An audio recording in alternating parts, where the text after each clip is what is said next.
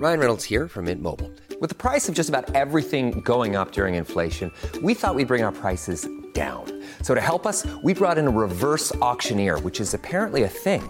Mint Mobile unlimited premium wireless. Ready to get 30, 30, bit to get 30, bit to get 20, 20, 20, bit to get 20, 20, bit to get 15, 15, 15, 15 just 15 bucks a month.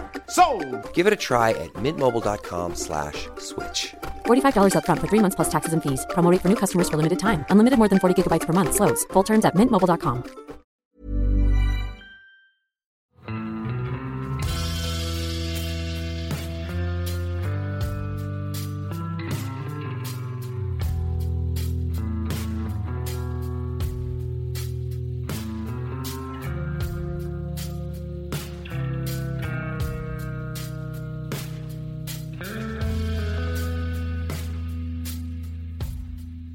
og velkommen til podkasten Uteliv.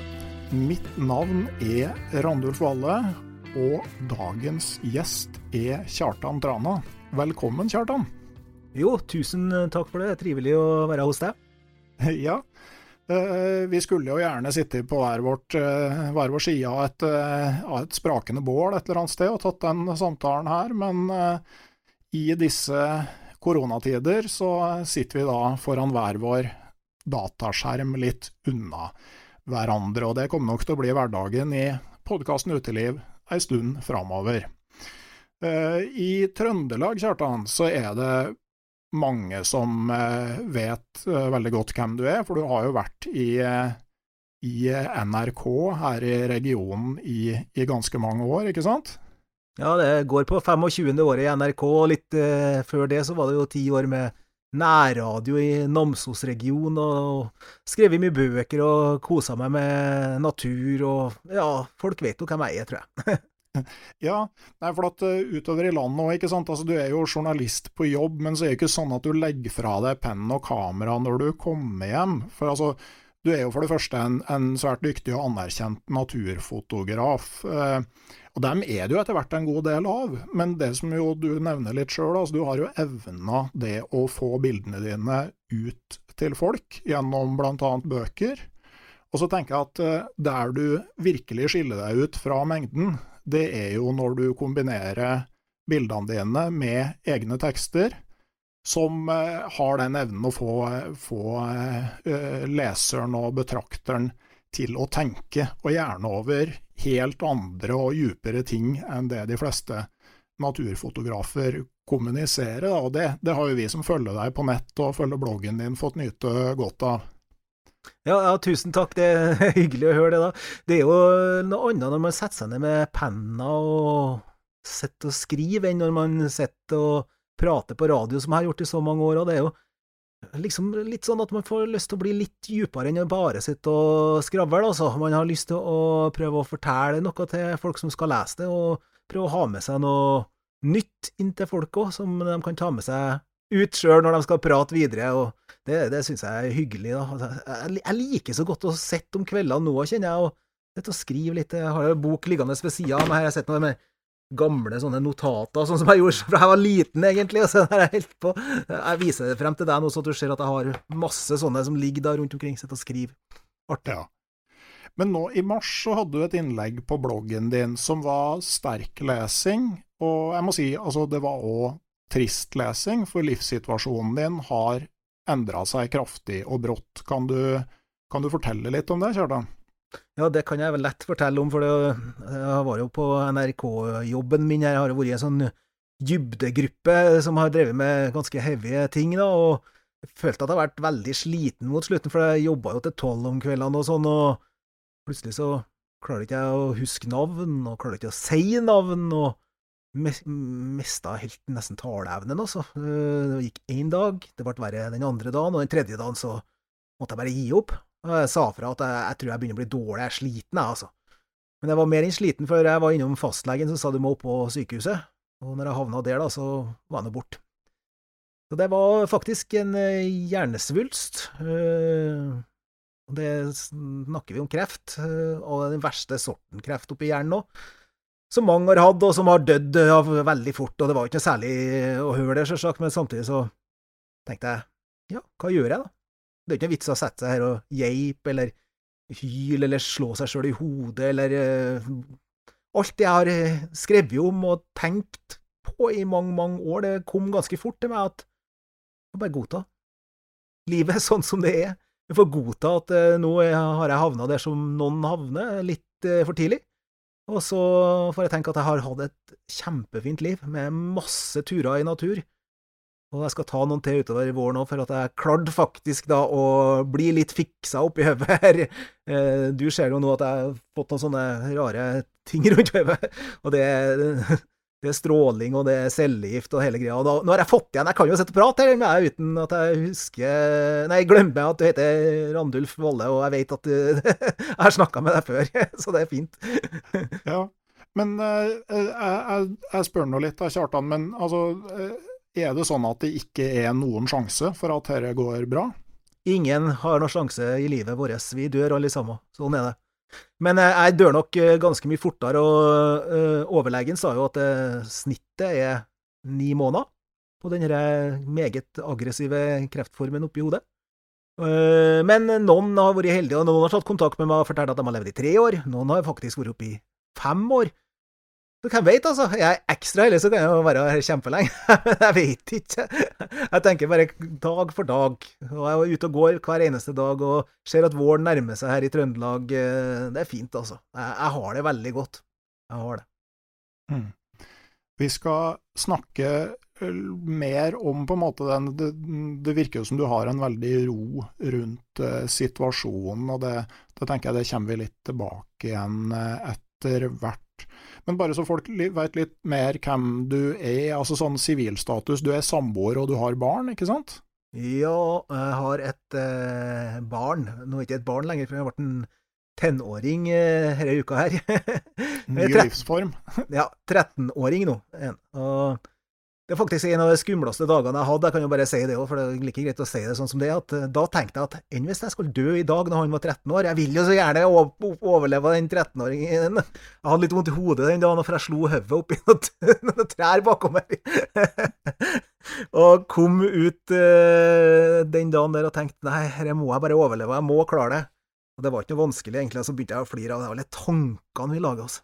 Vi lager så mye tanker, vi mennesker. Vi er jo ikke noe annet enn tanker. Vi tenker hit og tenker hatt, men det, det, jeg har levd best på, det har vært i fjellet. Og ikke tenkt, men bare vært. De har gjort meg så glad, og det gjør meg så godt, og det skal jeg gjøre det siste tida mi òg. Være uti der nå. Helt sikkert. Ja. Om jeg kan. Og du er ganske mye ute med samboeren din, ikke sant?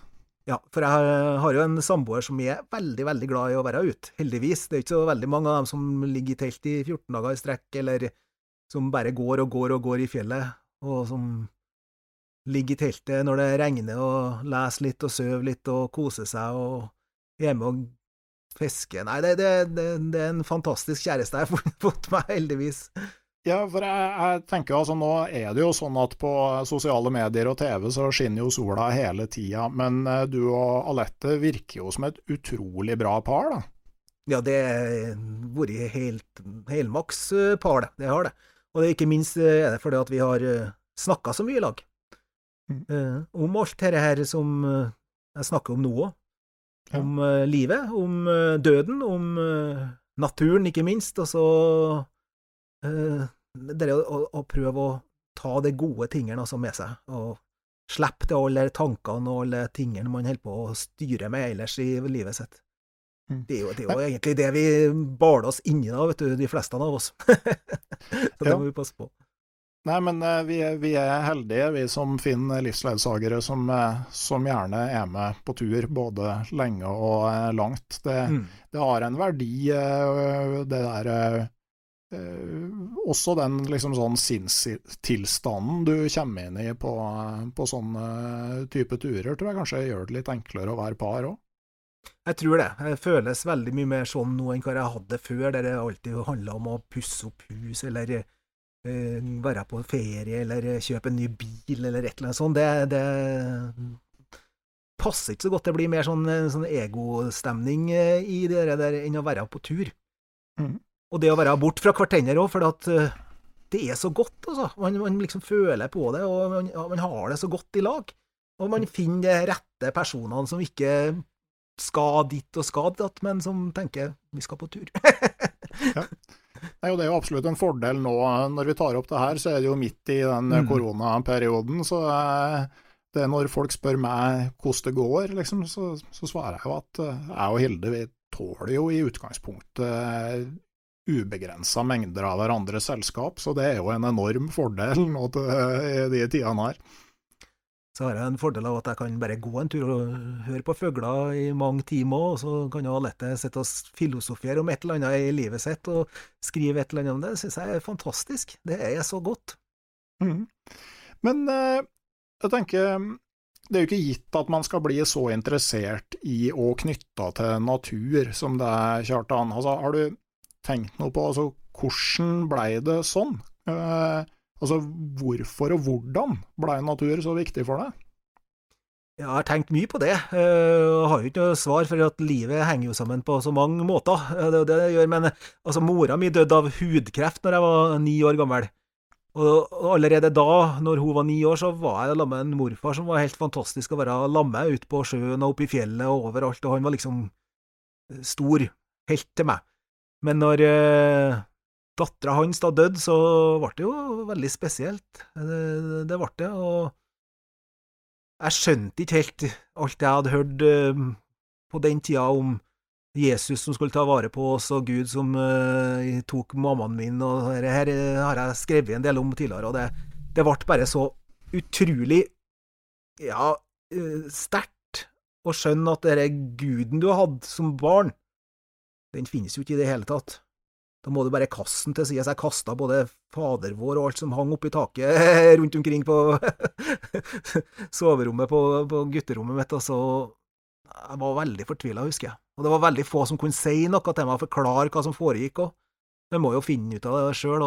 Det var der jeg havna ute i naturen, da. Det er ikke noe tvil om. Det tror jeg mange har gjort. Når man ikke skjønner noe, så går man ut i naturen, og så, finner man noe der. Og der finner man noe utrolig vakkert, syns jeg. Og det er stillhet, og det er det å bare være til, og det å bli født på ny, som noen blir, og det at det blir høst og vinter og jæklig kaldt og Det er bare tøft, og det er bare godt, og det er bare natur. Det er, mm. det er ikke noe annet. Det er deilig. Nei. Ja, Men sånn fra du var ni og så videre, altså gjennom ungdomsskole og sånne ting, altså var det er en interesse som på en måte holdt seg Altså hva slags utslag fikk det videre? Jeg har alltid hatt et sånn utslag om at jeg må ut. Det, det, er jo en av grunnene til at jeg aldri fant den rette dama heller, ikke sant? De syntes jeg var helt sprø, jeg som skulle ut uansett. De jobba med og sånn, så skulle jeg ut i naturen, og det er ikke alle som liker det like godt, da. Men. Eh, man kan jo bli forelska fordi man eh, ikke helt liker den, og da har jeg vært litt eh, et par sånne uheldige tilfeller av at det ikke ble sånn som jeg hadde håpa. Det ble ikke så mye turer som jeg hadde håpa, og de ble mer frustrert kanskje og fant seg noen som kanskje de trodde passa bedre til å snekre i huset, eller noe sånt. Så. Mm. Sånn er nå livet! ja. Men det at du endte opp som, som journalist, da, hvordan, eh, hvordan eh, havna du i den retningen? Det var nok bare ren tilfeldighet. Jeg var veldig glad i foto allerede da.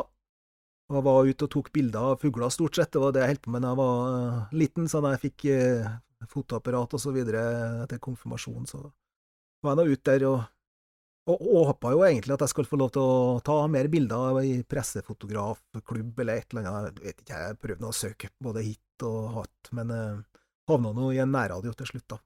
Enten det, eller så måtte jeg ut og jobbe ute i skogen en eller annen plass, men det, ble det. Det ble nærradio, og etter det har jeg trivdes med det.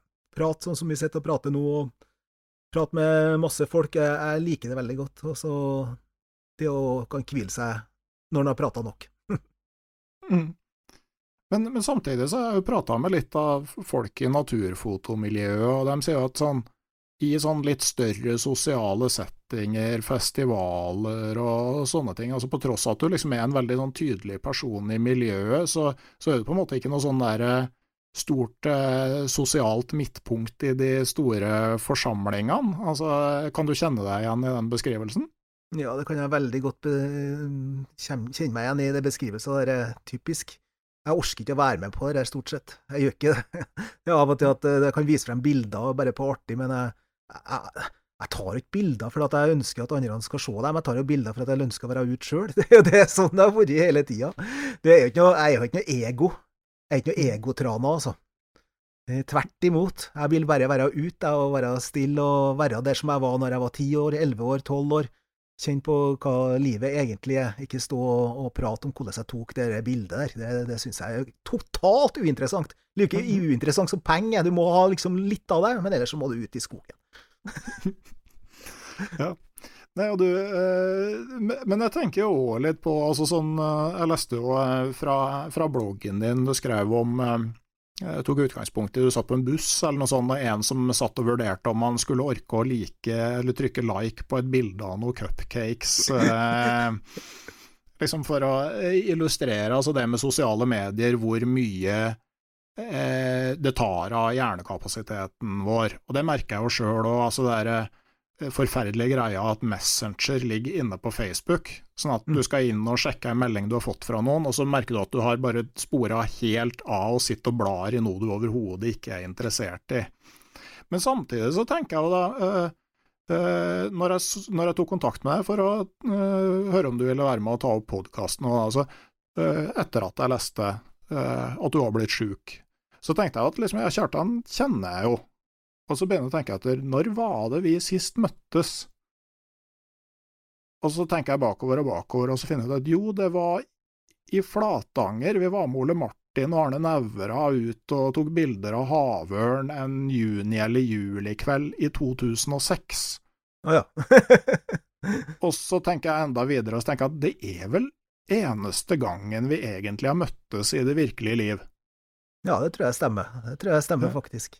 Men likevel så har jeg en sånn følelse at jeg kjenner det, og så tenker jeg at det er jo litt fint at sånne litt sånn snurrige folk som oss, ved hjelp av nett faktisk kan vite at det finnes andre som ligner litt ute der.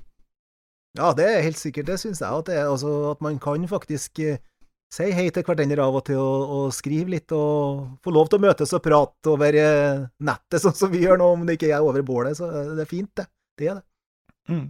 Jeg husker jo helt tilbake fra eh, da vi drev og, um, og la ut bilder på foto.no. Det var liksom før de store før de store sosiale mediene kom, og det, det var jo egentlig veldig sånn fint, da.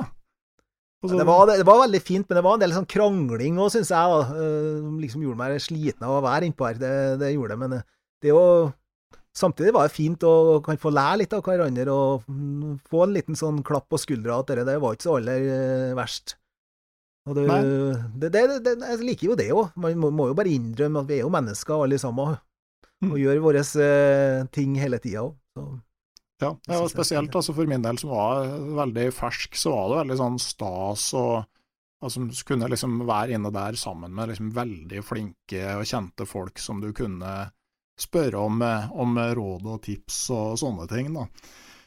Skal vi se Jeg tenkte i dag, altså, i, og med at øh, man nå ser konturene at, at folk skal holde seg i Norge i sommer, og for noen så Altså fra noen hold så høres det litt ut som en sånn veldig illevarslende trussel når folk får be, beskjed om at det er noe år for å planlegge norgesferie. Men det, det, man kunne jo fått verre beskjeder enn det. Og, og, jeg har tenkt å prate litt med folk som kjenner enkeltområder godt nå utover våren. Og, og du Kjartan, du må jo være lov å si at du har et spesielt forhold til Børgefjell? Ja, for der har jeg vært veldig mye på ferie, og jeg håper ikke at det er så mange som kommer i år heller, for jeg tenkte at jeg skulle ta meg en tur i år òg. Men jeg vil jo ikke gå i kø. Nei, men det, det er jo et, et, stort område. Jeg vil jo tro at når du, det er der så mange andre plasser at etter hvert som du blir litt kjent, så hvis du er litt smart med hvilke innfallsruter du bruker og hvilke veier du tar, så, så skal du jo tilbake så mange hauger før du, før du er relativt i fred. Vi er veldig i fred, altså. Oppe i Namdalen her så er jeg så i fred at det, det er nesten helt skremmende hvor lite folk det er. Jeg kan være ute i dagavis og ukevis, og jeg ser ikke et sjel oppi, oppi Salfjella, for eksempel, som eh, rett bortom her som jeg sett nå. Eh, det er jo 20 minutter å kjøre med bil. Nå kjører jeg ikke bil lenger, eller, for nå får jeg ikke lov til det heller, men eh, noen kan jo kjøre meg dit, så kan jeg nå gå resten av sommeren, jeg. det er noe fint, det. Ja, og det er jo kanskje da sånn der, eh, et av de viktigste tipsene hvis du virkelig vil være alene, det er jo å finne et område som ligger, ligger rett ved sida av en nasjonalpark. Det er 100% sant. Det ligger så mye fint rundt nasjonalparker, Det gjør det. Mm. Men eh, du har jo skrevet bok om Børgefjell, da, så skulle det være mye folk oppi der, så må du jo ta deler av, av ansvaret for det, tenker jeg da. Og eh, du har jo lagt ut ganske mange blogginnlegg fra turer i Børgefjell. for så vidt jeg klarte å telle meg fram til, så har du og Alette hatt en fast lengre sommertur i Børgefjell åtte år på, på, rad? Ja, ja, vi har hatt det kjempefint der, altså. Det har vært så mange herlige turer. Og jeg har jo skrevet om det, for at det har vært litt sånn uh, Dere må jeg huske, dere må jeg skrive om, dere kan jeg gå tilbake til, dere kan jeg lage bok bære til Alette om. ja, det har vært litt mer sånn Det jeg har holdt på med, egentlig. Og så har det vært noen tips til noen da som deg og andre som syns at eh, det er artig å være i fjellet, du kan jo gå inn der og kikke. da, at Det er mange plasser man kan gå inn, faktisk. Mm. Men uh, hvorfor ble det liksom akkurat Børgefjell som ble deres område? Det vet jeg ikke. Uh, jeg trodde ikke det heller, for jeg har hørt at det er flere som har sagt at det er så utrolig fort å bli fenga. Og det trodde jeg egentlig ikke, men så gikk det nå en lang tur oppi her, og så tenkte jeg at jeg, jeg klarer ikke å slippe det. Det har vært noe så helt spesielt, og det, det syns jeg fortsatt. Når jeg tenker på det, så vil jeg bare tilbake. Det er mm. kjempefint. Hva er det som er spesielt med Børgefjell? Stort, vakkert, urørt og noe magisk. Som ikke går an å sette ord på, men som bare du kjenner inn i hjertet ditt, egentlig. Mm. Ja. Kan du klare å sette noe fingeren på altså, hva er det som gjør at du vender tilbake til samme område, og hva er det det gir deg å vende tilbake til samme område så mange ganger, i stedet for å prøve et annet sted? Jo, jeg har prøvd mye annet sted, jeg må si det, altså, for jeg har jo skrevet om uh, Blåfjella og Skjækerfjella, jeg har vært der, det er et kjempeområde det òg. Men det, det, ble noe spesielt med Børgefjell, jeg trodde ikke det skulle bli det, for det var så mye andre fine plasser jeg var òg, men uh, det skjedde noe der, jeg klarer ikke helt å sette ord på det, det, det er liksom noe sånn uh, magisk, rett og mm. slett. Det er kanskje noe med at du kommer tilbake, men likevel aldri klarer å komme inn den samme veien, eller at du uh, går en annen vei og finner noe annet og ser det på en annen måte. Det er et annet værtrykk akkurat den dagen du kommer over, og hele fjellet ser annerledes ut enn det var andre dagen du var der. Det, det, det er helt spesielt oppi der. Det er det. Ja. Jeg så jo òg at eh, du har liksom vært på samme plass til omtrent samme tid på sommeren, og den ene gangen så er det liksom grønt og frodig og varmt, og eh, året etterpå så ligger snøen akkurat på samme tida. Ja, det, om det er august så ligger snøen, og så neste gang, sånn som i fjor når vi hadde med ungene oppi der, så, så, er det så varmt at vi må sitte i vannet, ikke sant. Det er veldig forskjellig, da. Det er det. Men det er vel sånn uh, livet er. Ja, Men tror du altså, det at uh, dere generelt har gjort lange turer i Børgefjell, tror du det har noe innvirkning på opplevelsen? For det er jo gjerne sånn 10 dager, 14 dager, sånn type lengde på turen uh, dere har hatt inn der. Altså Gjør det noe med, med, evnen til å ta inn opplevelsen, tror du? Ja, det tror jeg er helt sikker på at det er litt sånn. Men jeg har vært på lengre turer andre plasser, og jeg syns ikke det har vært det samme. Det har vært noe rart i Børgefjell. Det Nei, jeg håper flere tar turen og bruker 14 dager til å kjenne på det sjøl, for det er noe som skjer oppi der. Og det er mange som har opplevd det. Så mm. Er man så, ute etter magien, så må man, må man, tenke mer på det, altså, og bruke litt tid der. Ja. Uh, ja, men sånn generelt, altså sånn når, når turen blir lenger uh, Altså, jeg opplever jo at hvis du er ute i hvert fall et par uker, så får du Det blir lettere å legge fra seg det du hadde hjemme, det blir lett å, lettere å være til stede, og det at du må liksom skal bære med deg ting, altså du setter mye mer pris på hver sjokoladerute og hver seigmann fordi at det faktisk er begrensa det du har med deg. Altså jeg tenker at det er jo en sånn verdi av det å være ute mer enn ei langhelg. da. Selvfølgelig, å få en fisk når du virkelig er sopinn, det er jo noe som virkelig setter seg inn i deg. Da skjønner du liksom hva det er vi har holdt på med som mennesker opp gjennom tida. og det, det, har vært noe helt annet enn det vi har i dag, når alt er stappfullt og du bare kvalm når du kikker inn i kjøleskapet. Så det, det, er utrolig viktig det der å, å, få lov til å kjenne på at man er sopinn i to dager og får den ørreten og kauker og ræler inni seg, og alt slår. Som en del av naturen. Da, da, da blir det helt spesielt. Det blir det. Mm. Men eh, du har jo nevnt allerede at du har lett til dere, dere prater mye altså om eh, større ting og sånn som ikke nødvendigvis er direkte knytta til, til, turen. Altså, jeg, når, når, du, når, jeg leser bloggen, så tenker jeg at altså, det er på en måte ikke bare en fjelltur, det virker som det er en sånn slags reise på et litt mer sånn der åndelig plan òg. Er det noe bevisst, eller er det bare noe sånn det blir? Jeg tror det er litt bevisst, og jeg, altså, for jeg har vært litt sånn sjøl, og det var vel helt ifra når mora mi døde, at eh, jeg måtte bli stille. Det var ikke så mye å snakke om, egentlig, og mer å kjenne på hva du hadde med. Og så lærer man jo noe hele veien. Hva er vi for noe, egentlig? Hva, hva holder vi på med, egentlig, menneskelivene våre? Hva er tid, liksom? Hvorfor endrer tida seg når vi er oppe i Børgefjell i 14 dager, enn når vi går i NRK-drakten, skal jeg si, og sier nå må jeg skynde meg her, for nå er det snart sending. Mm. Det er, jo, det er, jo, mye rart som skjer oppi kroppene våre, så det er alt vi tenker på. Det kan man bare fortsette å fabulere på hele livet. Man må det, altså. Det er jo det som er artig med det. Mm. Ja, for at, uh, altså jeg tenker jo liksom at, uh, at, det virker litt som noe sånn slags pilegrimsreise eller sånn klostertilværelse i eh, stillhet og for, tanker og forsakelse. Det. Altså, det er litt moro innimellom, og det må være det òg. Det kan ikke være bare på en sånn tur, nei. kan ikke. Nei. Men, men, du skriver jo en del om, om det måte å være bevisst på hvordan du tenker og møter situasjonene rundt deg, at det påvirker din egen oppfatning av det? Ja, det syns jeg er veldig viktig at vi er klar over, at vi ikke går på noen sånne autopiloter som jeg føler at en god del dessverre gjør. Jeg tror ikke kanskje dere som sitter og hører på poden her av det typen, men det er noe, det er noe mange uti her som er veldig opptatt av å tjene penger og kjøpe seg noe nytt og sånn. Det, det, det, tror ikke jeg noen av oss som er mer opptatt av natur, tenker så mye på. Vi har en annen verdi i oss igjen. Vi har det, altså. Ja, men samtidig jo sånn i møte med naturen, og du skriver jo noe om det at uh, altså mennesket på en måte i sin natur generelt er misfornøyd med, med nå-situasjonen. At uh, hvis det er varmt, så vil vi ha det litt kjøligere, og regner det, så vil vi at det skal slutte, og er det tørt, så vil vi at det skal begynne å regne, og liksom at det er noe sånn innebygd uh, i oss der i det ytterste delen av mennesket så er det noe sånn, men eh, lenger inn så kan du jo finne noe som gjør at det gjør ikke at det regner så veldig heller, sjøl om du fryser. du kan bli fornøyd sjøl om du har eh, kreft i hjernen, hjernen og dør snart òg, vet du. Du kan bli veldig fornøyd med dagen i morgen.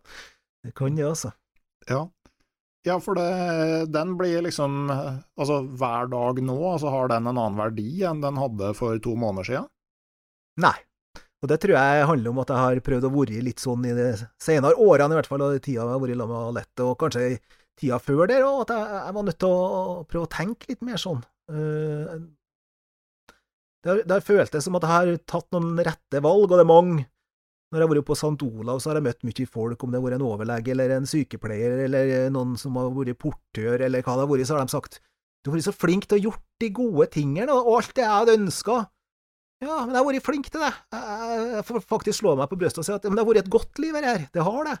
Mm. Jeg har eh, prøvd å være mye ute. Jeg har bodd i Namsos, ikke fordi at jeg ikke ville tenke at det var artig å jobbe i Dagsrevyen. Jeg jobba i Dagsrevyen en par lange perioder og syntes det var kjekt, men å være ute, rundt her oppe i fjellene her, det har vært alt, det. Jeg har ikke trengt noe mer enn det. Det er mer enn nok. Ja, nei, for, det, for, det, er jo litt sånn at når man eh, havner i en situasjon som der hvor du, måtte, du ser en ende på det, så, så, er det mange som snakker om altså, hva man angrer på. Men for å snu på det, altså, hva av de sånn store valgene du har gjort, er det du er mest fornøyd med? Det er nok først og fremst det at jeg, jeg bestemte meg for å være her jeg er, og jeg har vært veldig mye ute i den naturen som er, som jeg syns starter liksom litt, eh, litt, sør for oss og går opp gjennom Norge her. Det, her er det mye fin natur igjen, også. Og det er jeg så glad for at jeg har fått opplevd. Ja. ja, for sånn, til forskjell fra veldig mange naturfotografer, så har du holdt deg veldig mye i nærområdet ditt. Altså det, det er veldig lite langreiste naturopplevelser, og det aner meg at det, det har vært et helt bevisst valg? Det har det. Ikke for at jeg er redd for å reise, nei. Jeg syns det er artig å reise, men eh, jeg syns det er enda artigere å være her, da. det er rart. Mm. Men det er vel det, det er sånn jeg føler det. Ja, Det er bare jeg som føler det. ja, men, men hva er det på en måte Hva er det som gjør at det er enda artigere å holde seg i, i nærområdet? Ja, hvem veit? hvem veit? Jeg må vel tenke på det på neste gang jeg er på tur nå, og så setter meg ned og tenker hvorfor i all verden er det så godt å være her? Mm. Det må jeg finne ut mer om. Men uh, når jeg leser uh, fra Børgefjellturene til deg og Alette, så, så ser jeg jo òg en uh, en pessimisme, må det være lov å si, for på en måte menneskeheten og kloden som, som helhet. Det er, ikke, det er ikke stygt å si. Jeg er ikke så veldig pessimist, egentlig, jeg kan ikke si det, men eh, jeg tror nok at eh, det kan skje mye rart fremover, og det ser vi jo allerede nå. Eh, Det tenker jeg, så prøver jeg liksom å si at eh, jeg tror det er godt å ha det sånn som vi har det, at vi får lov til å oppleve denne naturen nå. Jeg, ser jo at det, det er mye vi lager, for eksempel elektronikk, mer kraft som måte for å få til mer 5G. Det skal bygges ut enda mer, det skal bygges ned noe enda mer, og så plutselig så er det jo ikke eh, så mye mer natur igjen som man kan si er så herlig som det jeg har opplevd, da.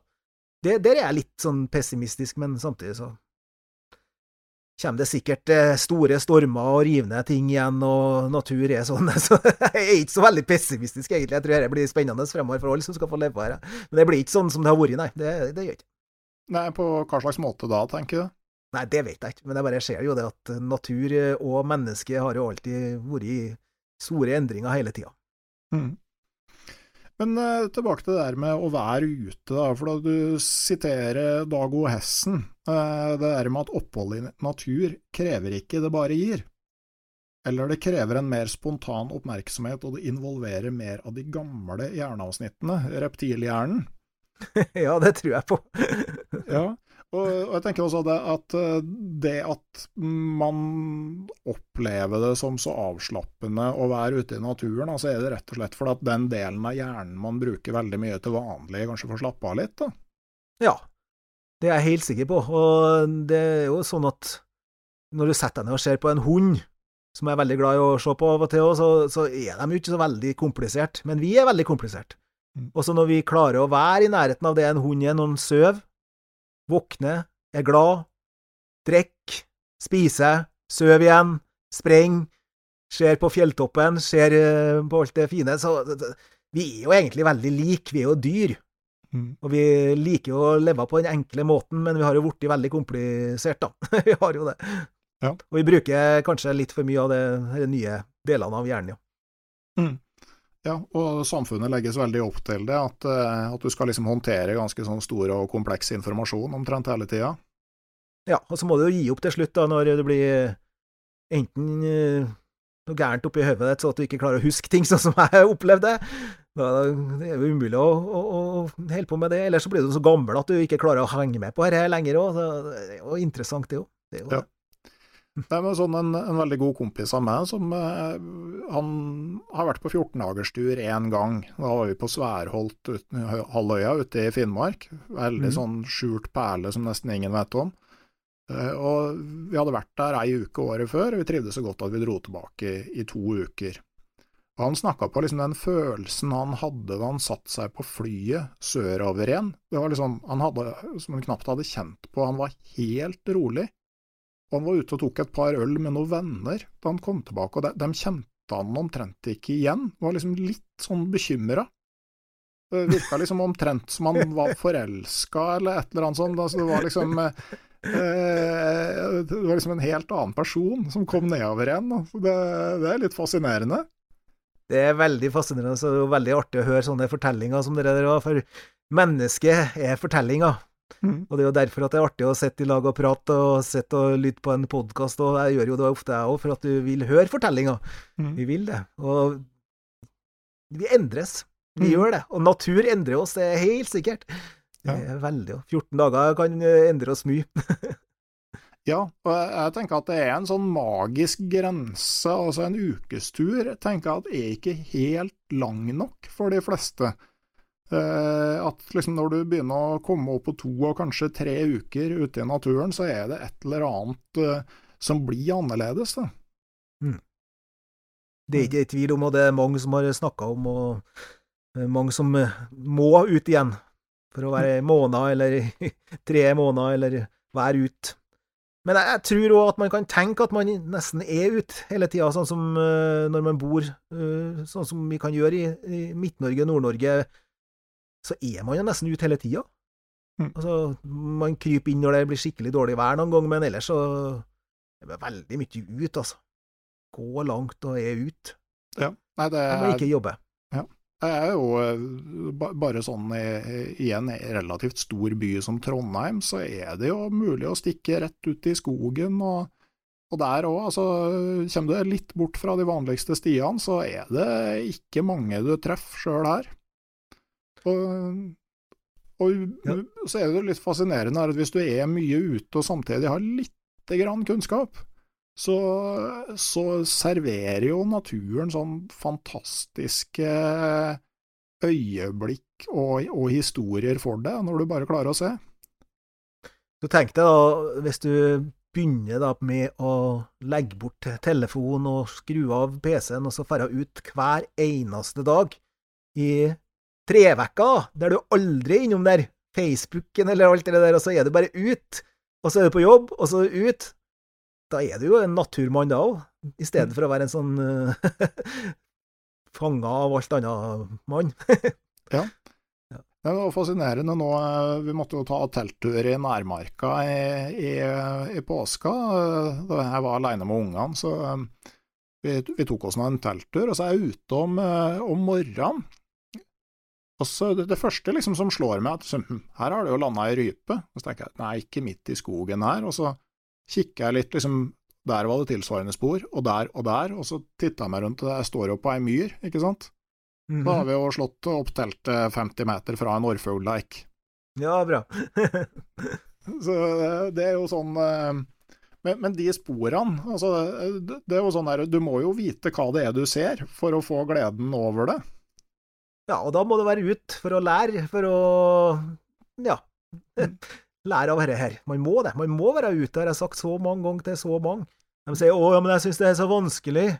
Nei, det er ikke vanskelig, det er bare å ute. Så lærer du noe på hver eneste tur, og det har jeg gjort siden jeg var liten, da, heldigvis. Det syns jeg er spennende. En ting jeg har skrevet mye på bloggen min, og det er det der med hva har vi inni oss, ikke sant, for vi har jo så mye følelser inni oss, da. Og det var jo det jeg oppdaga etter hvert når jeg var en 10-11-12 år, var veldig redd for mørket. Og så var jeg bare nødt til å utfordre det, det er veldig få i dag som gjør det. Altså går ut alene og ligger alene når man er så liten gutt, da.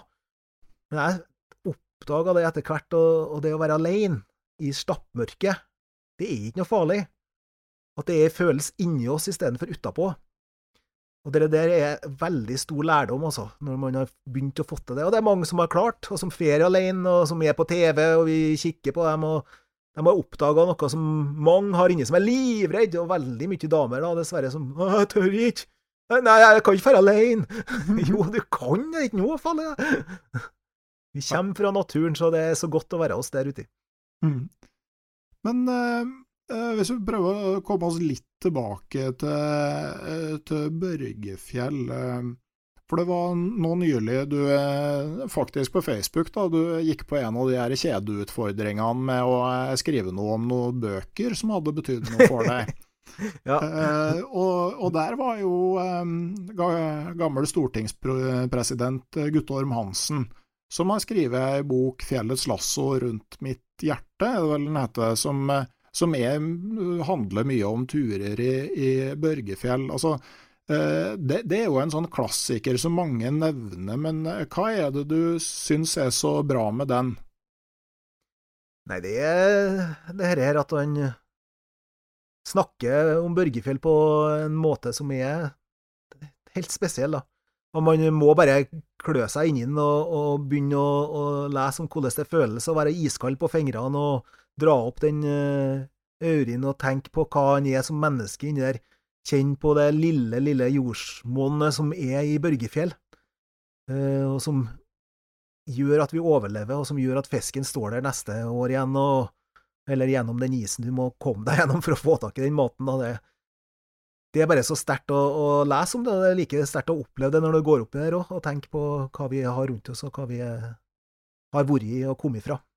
Mm. Det, det, opplever man i, i Børgefjell veldig sterkt, og det, det, var veldig godt skrevet i den boka til Guttorm Hansen. Mm. Ok. Men uh, jeg tenker også det her med dere som er par på tur.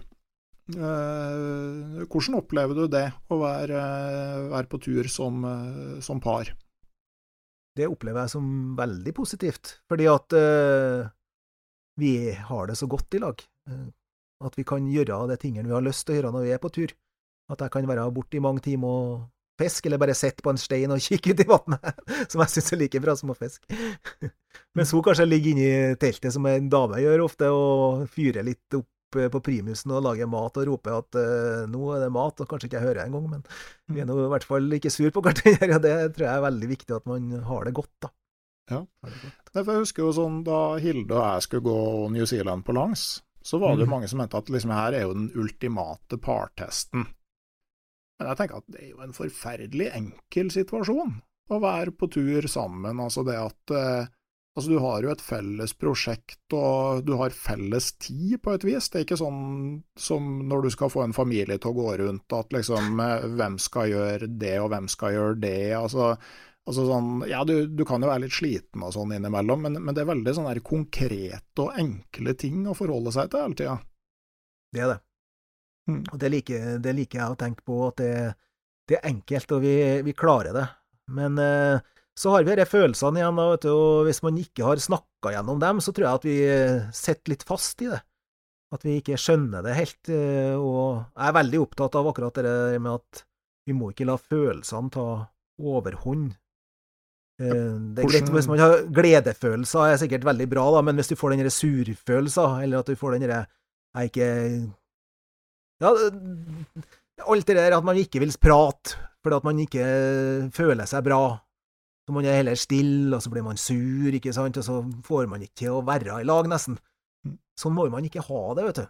Man må komme ut av det, og det, det gjør man gjennom uh, å ha det godt i lag og prate i lag, og ikke bare være forelska, men òg være lei av hverandre og fortsatt klarer å snakke på en helt normal, rolig måte. Mm. Det, det går an å få det til, og da trenger man å prate gjennom alt det her veldig mange ganger. Og snakke om uh, akkurat det at vi har følelser inni oss, vi mennesker. Mm. Og at uh, det fineste jeg har, det er når det er helt stilt. Og at man prater til hverandre etterpå, så er det like godt. Ja, og det er jo når du skal være på tur med noen over lengre tid, altså det er faktisk noen som syns det er helt greit å være stille sammen ganske lenge. Ja, og det syns jeg, og jeg og Alette har snakka om det, at vi, vi burde dra på en tur der vi ikke snakker i lag. Og Det har vi aldri fått gjort, men det har vi snakka veldig mye om, at vi bare er helt stille og er på tur i lag. Jeg, jeg syns det her høres mer og mer ut som en sånn klostergreie, altså. det kan være veldig artig òg. men, men uh, jeg la merke til du, du skriver òg om uh, Dalai Lama, som hadde påpekt at nordmenn var så utrolig flinke til å meditere.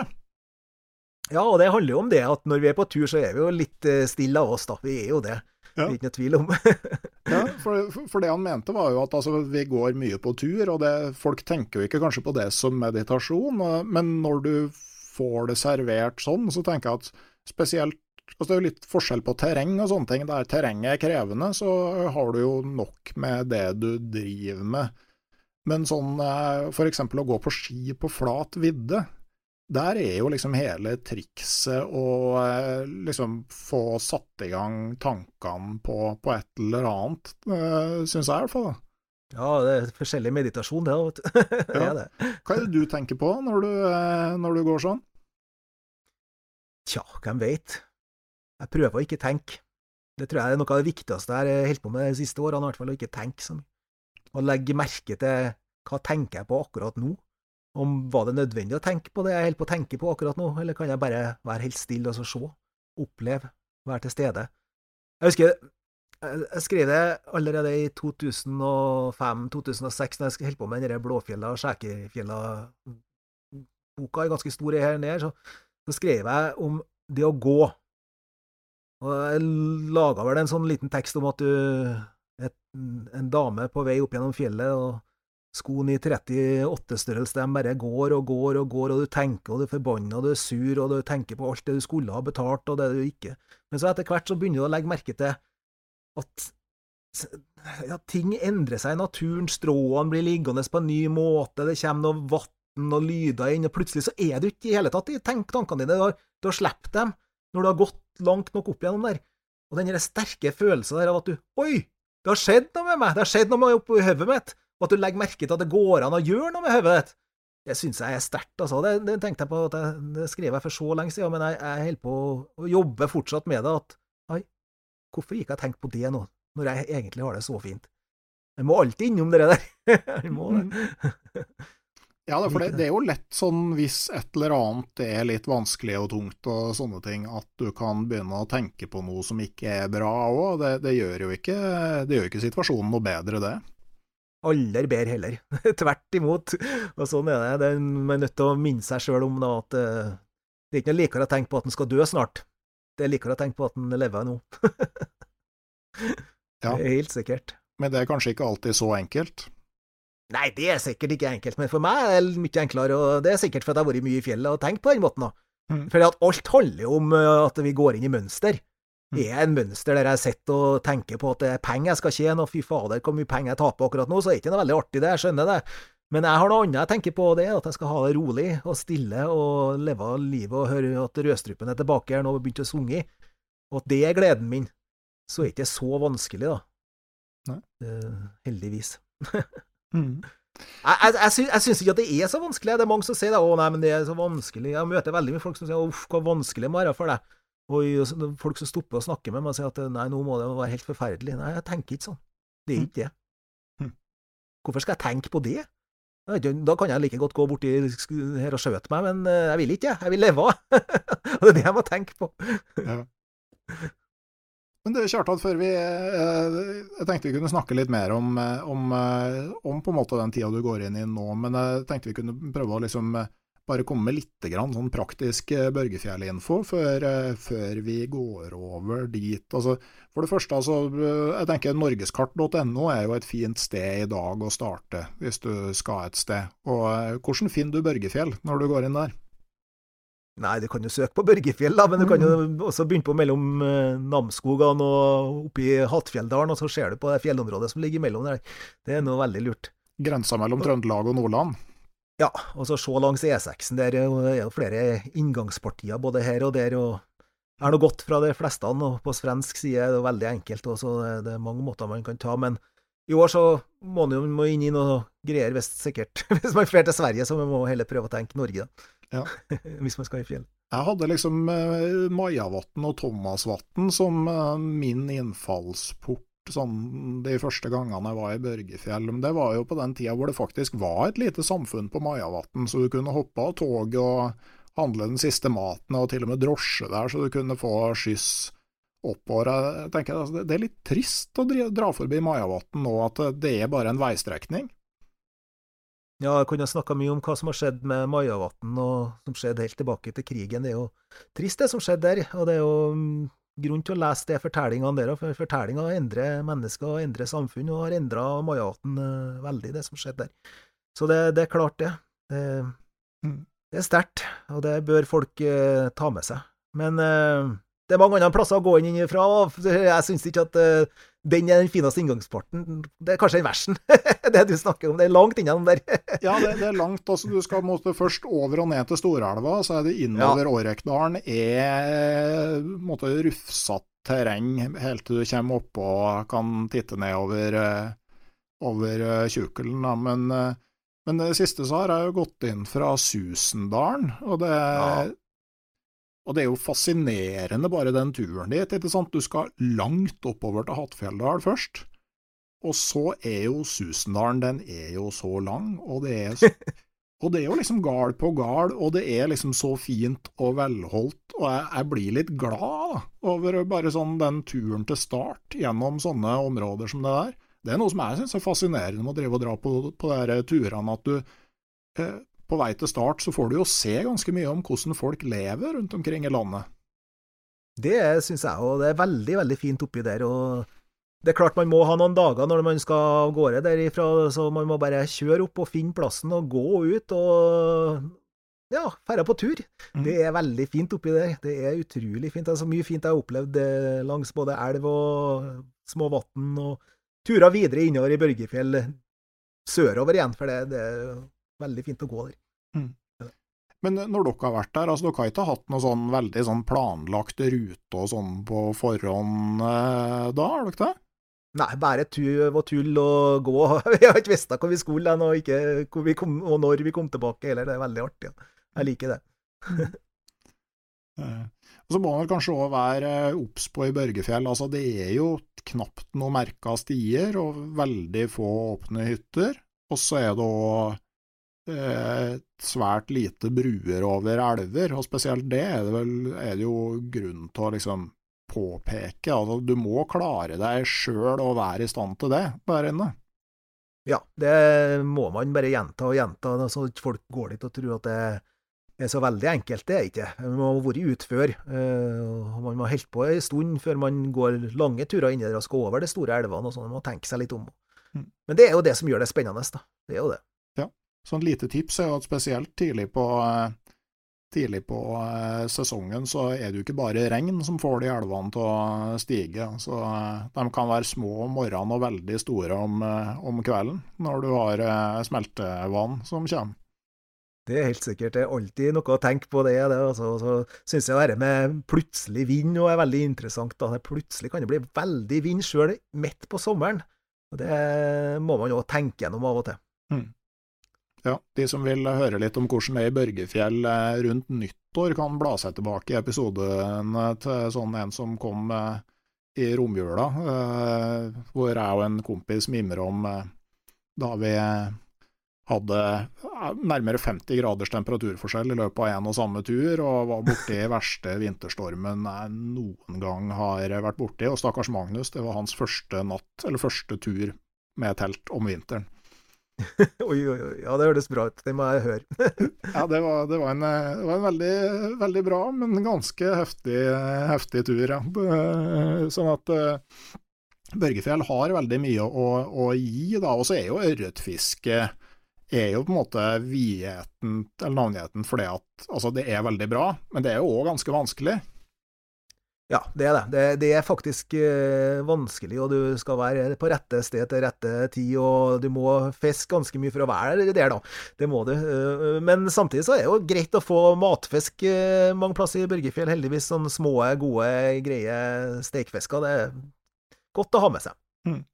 Sånn vanlig tips er jo, i hvert fall fra min side, å sånn prøve små vann og med små elvestumper mellom. Altså, de store vannene er ofte mye vanskeligere å få fisk i enn de små. Helt korrekt, det er ingen tvil om at det er, og det er jo Sånn, sånn Børgefjell er, men så er det jo de gangene at du får en stor fisk i et så stort vann, så er det jo veldig jubel, da. Det er jo det. Er jo det. Mm. Men det handler jo litt om måte, hva du er ute etter, tenker jeg. For at mange vil jo ha litt steikepanna, og, og mm. spesielt folk som ikke kan så mye om fjellfisking, har en tendens til å bli stående i veldig store vann. Og, og, det kan jo være bra, men du må ofte vite veldig hvor det er du skal stå og hvordan du skal fiske. Mens i en liten pytt så fisker du over hele vannet med ti kast, liksom. Sånn at uh, da, da, er sjansen for å være på riktig sted i hvert fall uh, langt større. Det er det også. Og igjen da, det der å lure seg borti små bekker eller elver lurer seg borti små vann høyt oppå fjellet og blir overraska over stor, fin fisk. Altså, det er Børgefjell for meg. Mm. Det er veldig artig. Ja. Nei, og For de som eh, liksom har lyst på å dra til Børgefjell, da, så kan man jo da eh, klikke seg inn på, på bloggen din og finne ut hvordan man bestiller Børgefjell-boka eh, som du har vært med å lage. Det finnes vel en eller annen plass at du kan uh, få tak i den, ja, tror jeg. Selv om jeg ikke har uh, tenkt så mye på det i det siste. Det går nok an å selge ja, jeg kjøpte mitt eksemplar på Liverten for ja. to år siden. Ok, bra. Tenkte at den må jeg ha med. Den er ikke så mange plass til salgs. Det er en Nei. liten hemmelighet, det som, som Børgefjell er fått til òg. ja. Og så kan man jo finne Lars Monsen eh, med 90 dager på loffen i Børgefjell, eller eventuelt nyutgaven sammen med Trond Strømdal. Absolutt fine bøker, altså. Jeg har lest dem og kosa meg med dem, og, og drømt eh, på grunn av det òg.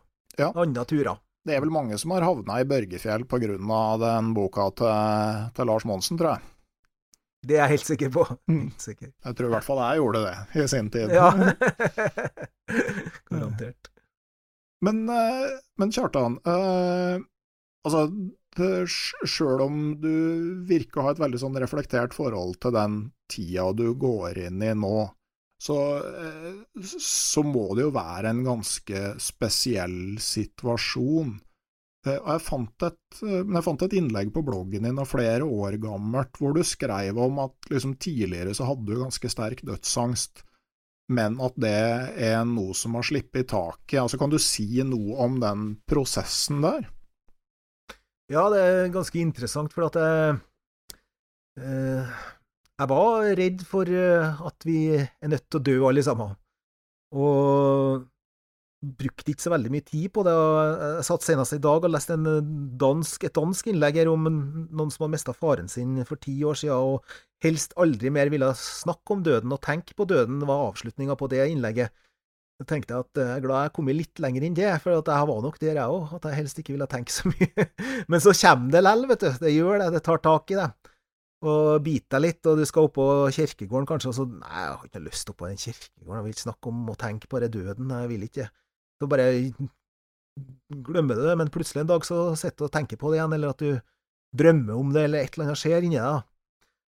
Og da kom jeg dit da, at jeg tenkte at nå er jeg nødt til å gjøre noe, for at jeg tenkte mer og mer på det. Det skjedde noe inni meg som jeg var nødt til å ta tak i, og det øh, gjorde jeg først og fremst med å ha en kompis som var i et øh, begravelsesbyrå. Fikk være med på å øh, jobbe litt sammen med han, øh, være med til folk som hadde nære slektninger som hadde dødd, snakka med dem og opplevde egentlig at det er helt naturlig. At det er sånn livet er, at vi må ikke bare legge det bort, vi må ha det med oss. Og jeg slapp gradvis taket. Jeg har vært med og båret over lik, jeg har vært med og, og, tenkt på at eh, folk du har snakka med mye mer folk om det mer naturlig etter hvert. Men jeg var redd. Eh, Jeg var det. Og så slipper jeg det, og så blir det greit. Mhm. Det blir mm, en del av naturen å leve og dø. Men uh, du refererer annet til et sånn indisk epos, Mahaparata, hvor det, hvor det liksom mysteriet er at hver dag så er det tusenvis av mennesker som dør, og så fortsetter resten å leve som om man aldri skulle dø. Ja, Og det er vel sannhet, da, at vi gjør alle sammen. Ja, Og så får man tida til å prate gjennom litt at uh, nei, vi dør. Mm. Sånn som jeg har fått sjansen til nå, og som jeg har skrevet mye om tidligere òg, for at jeg, jeg tenker at det er litt viktig i, i livene våre å gjøre de rette tingene, de tingene vi har lyst til å gjøre. Og da må man eh, faktisk vite at eh, det kommer en dag da vi sitter og angrer på at vi ikke gjorde de tingene vi skulle ha gjort. Det, det tenker jeg.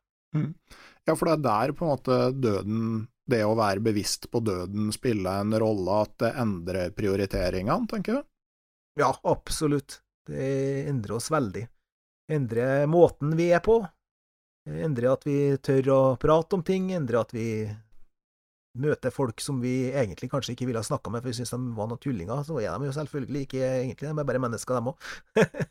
så vi, vi endrer oss hele tida vi, vi leser og skriver og tenker og er med på å skjønne at eh, vi alle skal dit. Mm. Dit vi kom ifra en gang, det vi ikke vet hva er, noe så helt svart. Ja. Som sikkert ikke er veldig farlig, det var ikke de ungene våre, så vi tenker ikke på at uff, hva fælt det var, de aldri var født. Nei. Men du refererer til den tibetanske dødsboka. Kan du fortelle mer om det? altså, det er jo ei sånn eh, rar bok eh, som ble funnet eh, for lenge siden borte i Tibet, og du kan jo lese mye om hvordan man oversatte den både her og der i forskjellige deler av Europa, og fant ut at det var noe mystisk i den tibetanske dødeboka. Den er, den er spennende, den. Og den eh, kan jo virke litt sånn mystisk, men den handler jo egentlig om at Og det, det er jo sikkert mange ikke er enig med meg i, men jeg er jo litt mer sånn at vi mennesker har veldig mye fortellinger om både Jesus, eller om Buddha, eller om uh, ja, alt som finnes i naturen, som vi lager måter å være på, da, og alt er rett. Alt er rett for meg. Og det er Dødeboken. Hvis du leser den på den rette måten, så, så er den eh, veldig fin, da, for den, er, den måten å fortelle på hvordan vi kan komme oss inn i dødsriket. Mm. Jeg skal inn i dødsriket. Du òg, men sikkert litt senere enn meg, forhåpentligvis for deg. det, ja, det, men, men, det er jo noe med det der, altså sånn uh på et vis tenker du at det er en positiv ting at du på en måte i større grad Eller altså at du, du veit at det skal skje. For altså, det kan jo skje ei ulykke, altså sånn fra jeg tok kontakt med deg, og til vi gjorde det opptaket her, så var det en annen av de jeg så, sånn syns jeg har kjent, eh, men aldri har møtt, Sindre Bø fra, ja. fra Stavanger som eh, omkom i en sånn eh, sånn freak accident, mer eller mindre, under skiseiling. At, altså, jeg tenker eh, altså, det at du får tid til å tenke gjennom det her, snakke med dem rundt deg og sånne ting, altså, er det noe som du tenker at er bra? Ja, jeg tror det er veldig bra, og jeg tror at det er egentlig er derfor at den døde boken òg ble skrevet, da, at vi reflektert litt mer over at uh, dette her er noe vi har med oss som en helt vanlig ting. Da. Mm. At vi tør å tenke det. Og vi i den vestlige sida av verden har jo veldig ofte de senere tida, i hvert fall mens jeg har levd, ikke snakka særlig mye om dette her. Verken i familien min eller i venneflokker eller sånne ting, da. Men uh, har vært flink, da. Og har hatt en far som har vært psykolog, og sorgpsykolog, og det har vel hatt litt å si, tror jeg. det har du nok men, men jeg, har reflektert litt rundt det der, som du sier, at, altså på en måte at vi snakker ikke om døden. Men jeg tenker at det kanskje er en liten endring. altså måte Vår generasjon, du er noen år eldre enn meg, du er født på så vidt inn på 60-tallet, så vidt jeg og er litt ute på 70-tallet. Altså, vi ble jo ikke tatt med i begravelser og sånne ting når vi gikk på barneskolen. Eh, men jeg tenker nå involverer man ungene mer i på en måte den sorgbiten. Og så når du ser i populærkulturen, så begynner du å se, altså når jeg begynner å tenke over det, altså musikk for eksempel. Uh, tenk tilbake til det det emo-bandet My Chemical Romance, som har en sånn rockeopera som handler om en gutt som er i ferd med å dø av kreft, og som bare fyker oppover på hitlistene som bare det. Og så har du jo hun Maja Lunde med Snøsøsteren, den der fantastiske julekalenderboka som handler om død. Eh, altså, eh, det virker jo som det måte er et sånn slags behov for å snakke om de tingene her, og at det kanskje kommer uh, litt mer, da. Ja, det tror jeg er helt rett, og det har jo kommet litt mer òg. Det legger jeg òg merke til, akkurat som du uh, nevner her. Det er flere ting vi kunne nevne som hele tida gjøres om og ikke var snakka om på den måten før. Det var jo det hvis man virkelig hadde lyst til å sette seg inn i det. Så kunne man jo den gangen gå inn i Beatles og se på døden der òg. Man kunne det, altså. Men uh, Ja, men jeg tenker altså, det er jo, altså, Forskjellen på hjulet i Skomakergata og Snøsøsteren er jo uh, påfallende. det er påfallende ting på gang, heldigvis, og sånn er det jo. Fantastisk bok, forresten. Jeg husker jeg, når jeg begynte å nærme meg sånn 18.-19. desember, innså jeg at nå må jeg bare sette meg i sofaen og lese de resterende kapitlene før jeg skal lese dem for jentene, så jeg ikke blir sittende og sippe som ei takrenne når jeg ja, jeg er enig med deg. En veldig fin bok. Ja. Det, ja. Så, og så eh, en sånn kar som Kristoffer Schou, eh, som som skrev den boka på vegne av venner, hvor han begynte å gå i de begravelsene hvor det ikke kom noen. Ja. Det tenkte jeg på, jeg òg, at eh, det er fint. Og han begynner å bli litt gamlere, han òg, vet du. Han må borti der døden, han òg, skrapa borti den. ja, men jeg tenker jo sånn eh, det er jo litt sånn interessant, for han har vært veldig sånn tydelig på at altså, han er ikke redd for det i det hele tatt. Men jeg tenker du og han, sånn med tanke på sånn der, med liksom forhold til natur og sånn, er jo litt sånn diametrale motsetninger. Han, ja, det er sant. Altså at du liksom med så forskjellig utgangspunkt kan komme til litt sånn samme erkjennelse. Ja, og det er jeg helt sikker på at sånn er det òg. Og det er derfor at man er nødt til å prøve å prate mer, som jeg sier, og at man føler at folk er helt annerledes enn det er bare en godhet at man tør å gå bort og si hei, jeg hører du har kreft, kan vi prate litt om døden? Det, om du bare er opptatt av egentlig eh, skal vi si fiskeoppdrett, så har du sikkert også tanker om døden, altså. Mm. så man må snakke i lag alle sammen, for vi, mm. vi er veldig gode mennesker alle sammen. Mm. Men samtidig så er jo Jeg opplever jo at naturen eh, er jo sånn veldig sånn fint måte, verktøy for å forstå det. For, at, altså for unger så er jo døden egentlig en ganske abstrakt ting. Eh, sånn Hun eldste mi, eh, da oldefaren hennes døde, så hun, bodde vi i Finnmark, og det blei altså, eh, da var det kona mi som tok med den nyfødte ungen nedover, og jeg blei igjen med hun som da var tre og et halvt. Og hun var jo først og fremst litt snurt fordi hun ikke fikk lov å være med til, til oldemor og oldefar, men vi, hun kunne jo besøke oldefar neste gang.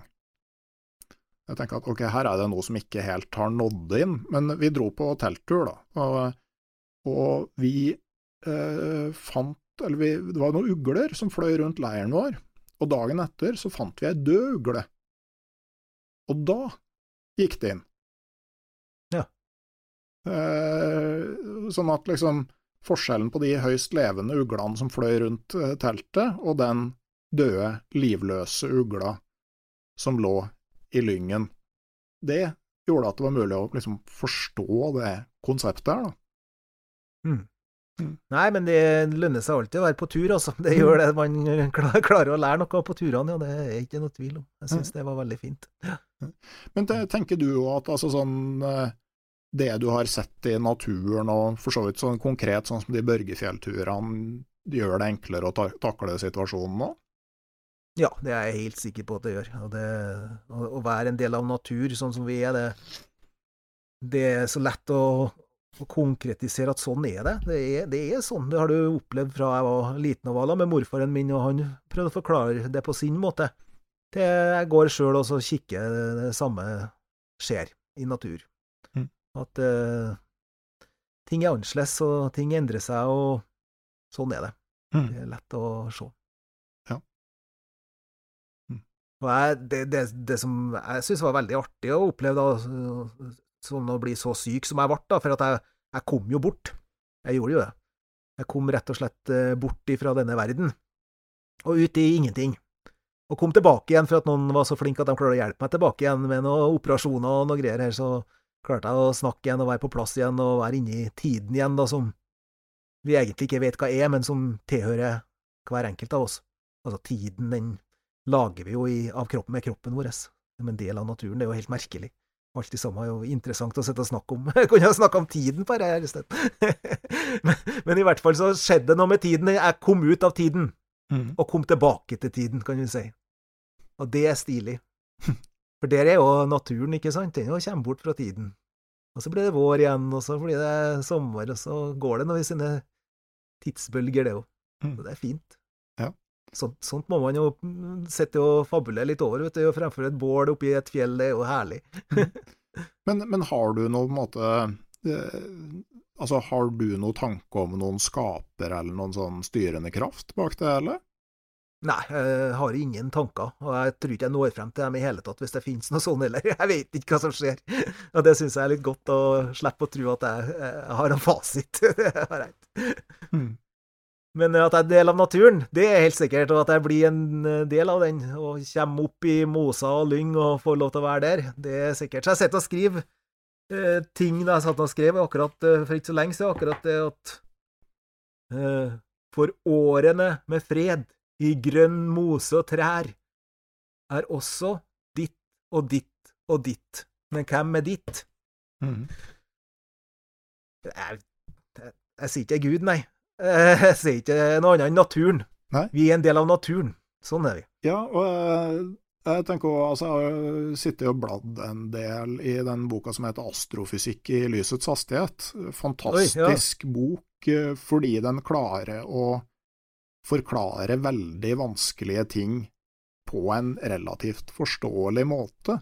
Men det han påpeker der, altså sånn, vi ser oss på som en del av jorda, og en del av naturen her, men altså, du kan se mye større på det der. Altså, det, det, er ikke tilfeldig at liksom, av de reaktive grunnstoffene altså Kroppen vår består, består, i all hovedsak av nitrogen, karbon, oksygen og hydrogen. Det er de fire vanligste reaktive grunnstoffene i universet. Sånn at vi er lagd av akkurat det samme som hele resten av universet. Og én ting er jo på en måte at vi skal bli mose og trær og sånne ting, altså hvis du ser liksom noen milliarder år fram i tid, ikke sant, så blir jo ting på en måte så, så skal han kanskje ut igjen i rommet igjen. ja, hvem vet. jeg må ikke tenke for mye på det heller, kanskje jeg må være litt stille isteden.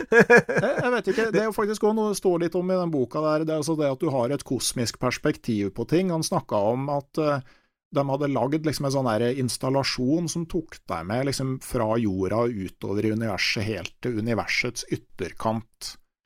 Eh, en sånn utstilling, da. Og der hadde de fått spørsmål fra en psykologiprofessor om de kunne få dele ut spørreskjemaer før og etter.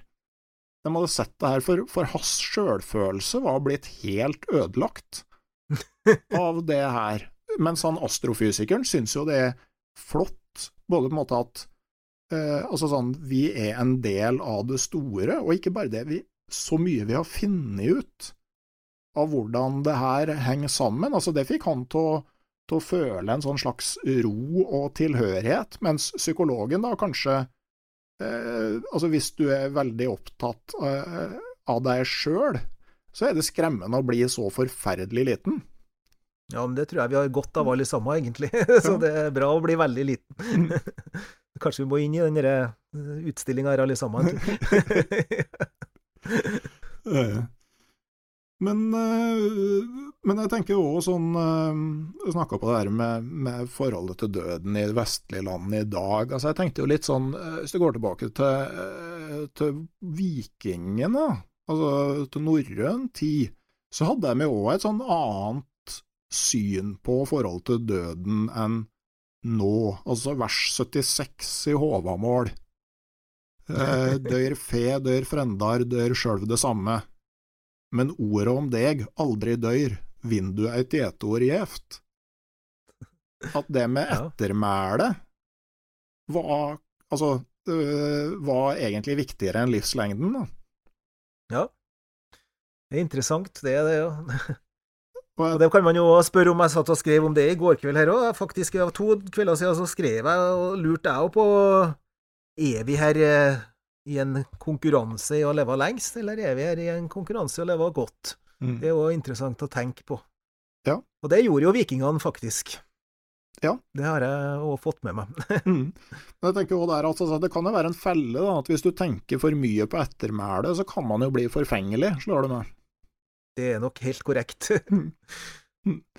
men uh, du er nå høyst med oss foreløpig, Kjartan, men jeg tenker at uh, uh, det er nå nå jeg har sjansen til å fortelle deg det, at liksom det du har lagd, både i konkret i form av bøker, men også det du liksom står for, det, om vi ikke kommer å ha det til, til, å ha det med oss like lenge som Håvamål, så, blir, så blir det en god stund, da. Det som er artig, ja, det må jeg si at eh, de fleste av oss, uansett om vi heter Adolf Hitler eller det, så er vi nå borte om 10 000 år i hvert fall. Det kan vi nå garantere! Og det er nå bare småtteri i forhold til resten av evolusjonen vi har vært gjennom eh, som eh, både menneske og som skjære og enda lenger tilbake. Så, nei, det spiller ingen rolle, altså. Jeg syns det er så artig å flire av det, at vi lager så mye dumme tanker, vi mennesker. At vi skal stå igjen med noe klokt etter oss tull og tøys og Nei, jeg, jeg syns ikke det, Kjartan. Altså bare sånn som måten du håndterer det her på. Altså hvis det kan eh, Hvis det kan eh, gjøre situasjonen enklere for noen andre I hvert fall for meg. Ja, men, men, eh, men, men uansett, altså sånn, det, det, at du har noe å si for folk, både i nåtid og i framtid, altså det, det, er jo en fin ting, da. Ja da, jeg, jeg, jeg sitter ikke bare og hånflirer av det, men jeg sier at det er ganske artig at vi har laga oss så mye tanker og har med oss så mye følelser inni en kropp fra en apekatter eh, som vi egentlig kom hoppende fra, mm. og som klarer å lage den herre Eller vi kunne ikke lage den, men at det ble laga, disse fortellingene da, som kom i hjernen og ble større og større og større, og som er her i dag, at vi har vært og spilt golf på månen og hele det her. Mm. Det er jo helt fantastisk, det som har skjedd. Og, det, det, er så artig. Hvorfor skal ikke vi flire av det? Jo, for all del. Og så er det jo Ja, det at vi har evnen til å lagre og videreføre sånn type kunnskap, er kanskje noe av det som gjør oss til mennesker. ja, og det har de jo gjort òg. De har jo lagra alt det der, og det finnes jo så mye å lese om her at det uh, Mm. Det er artig. Ja, for, altså, sånn for din del, altså sånn det at eh, Altså eh, det, At du og Alette kan eh, diskutere Spinozas filosofi på fjelltur, altså sånn, det blir akkurat det samme det som at noen eh, tar med seg tankene til Kjartan Trana og, og lar det berike sin egen, eh, sin egen eh, fjelltur i, i Børgefjell. Da. Det er ikke noe prinsipiell forskjell. Nei, da, om det heter ditt eller datt, det spiller egentlig ingen rolle, det er sant. Men det at man har med seg tankene, og at man har lest dem til noen annen og tatt dem med videre, og det, det syns jeg er veldig fint, det vi, vi gjør som mennesker. At vi, at vi lærer litt eh, og tar med oss ting. Det, det syns jeg er spennende. Mm. Og det er jo veldig mye utrolig bra som er skrevet også. Det, det, hver dag så skrur jeg nå på og setter på meg headsetet og hører litt mer enn jeg leser nå, for at det er litt vanskeligere å, å lese like godt som før, syns jeg. Eh, Det har skjedd et eller annet med øynene og borti noe greier der.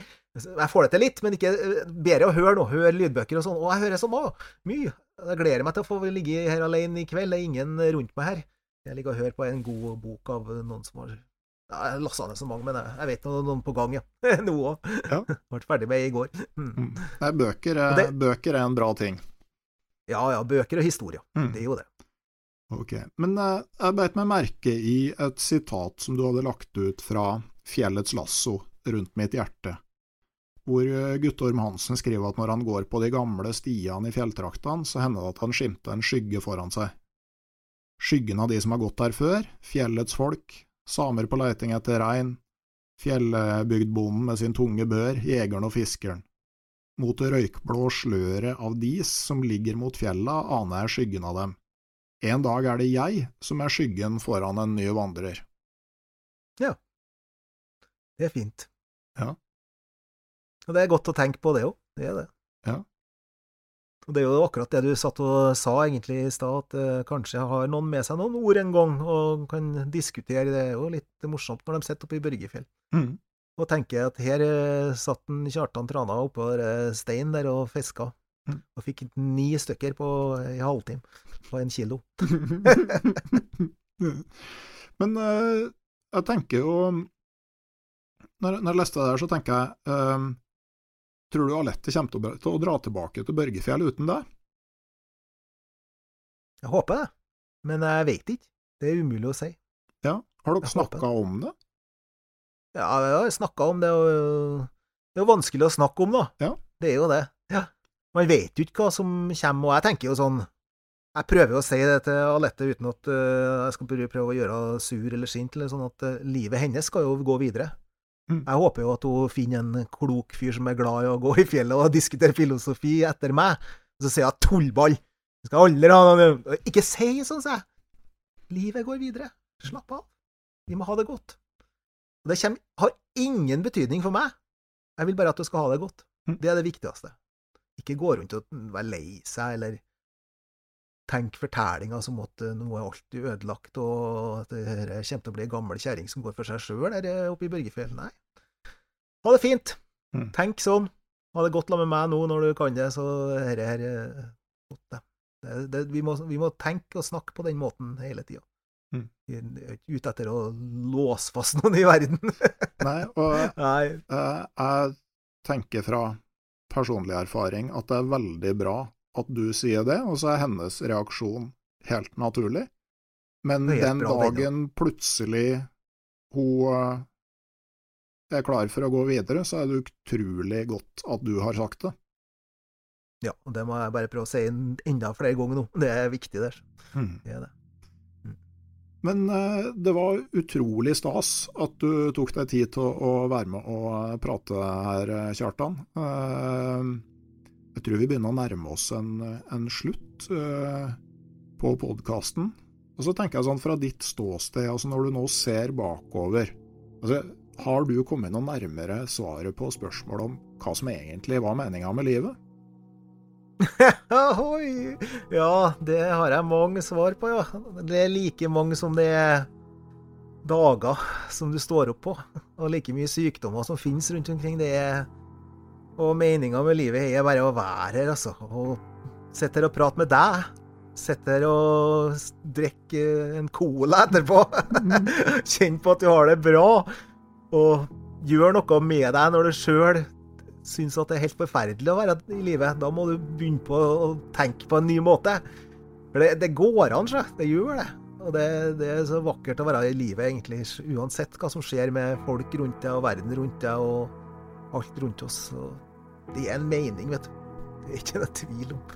Det tenker nå jeg, da.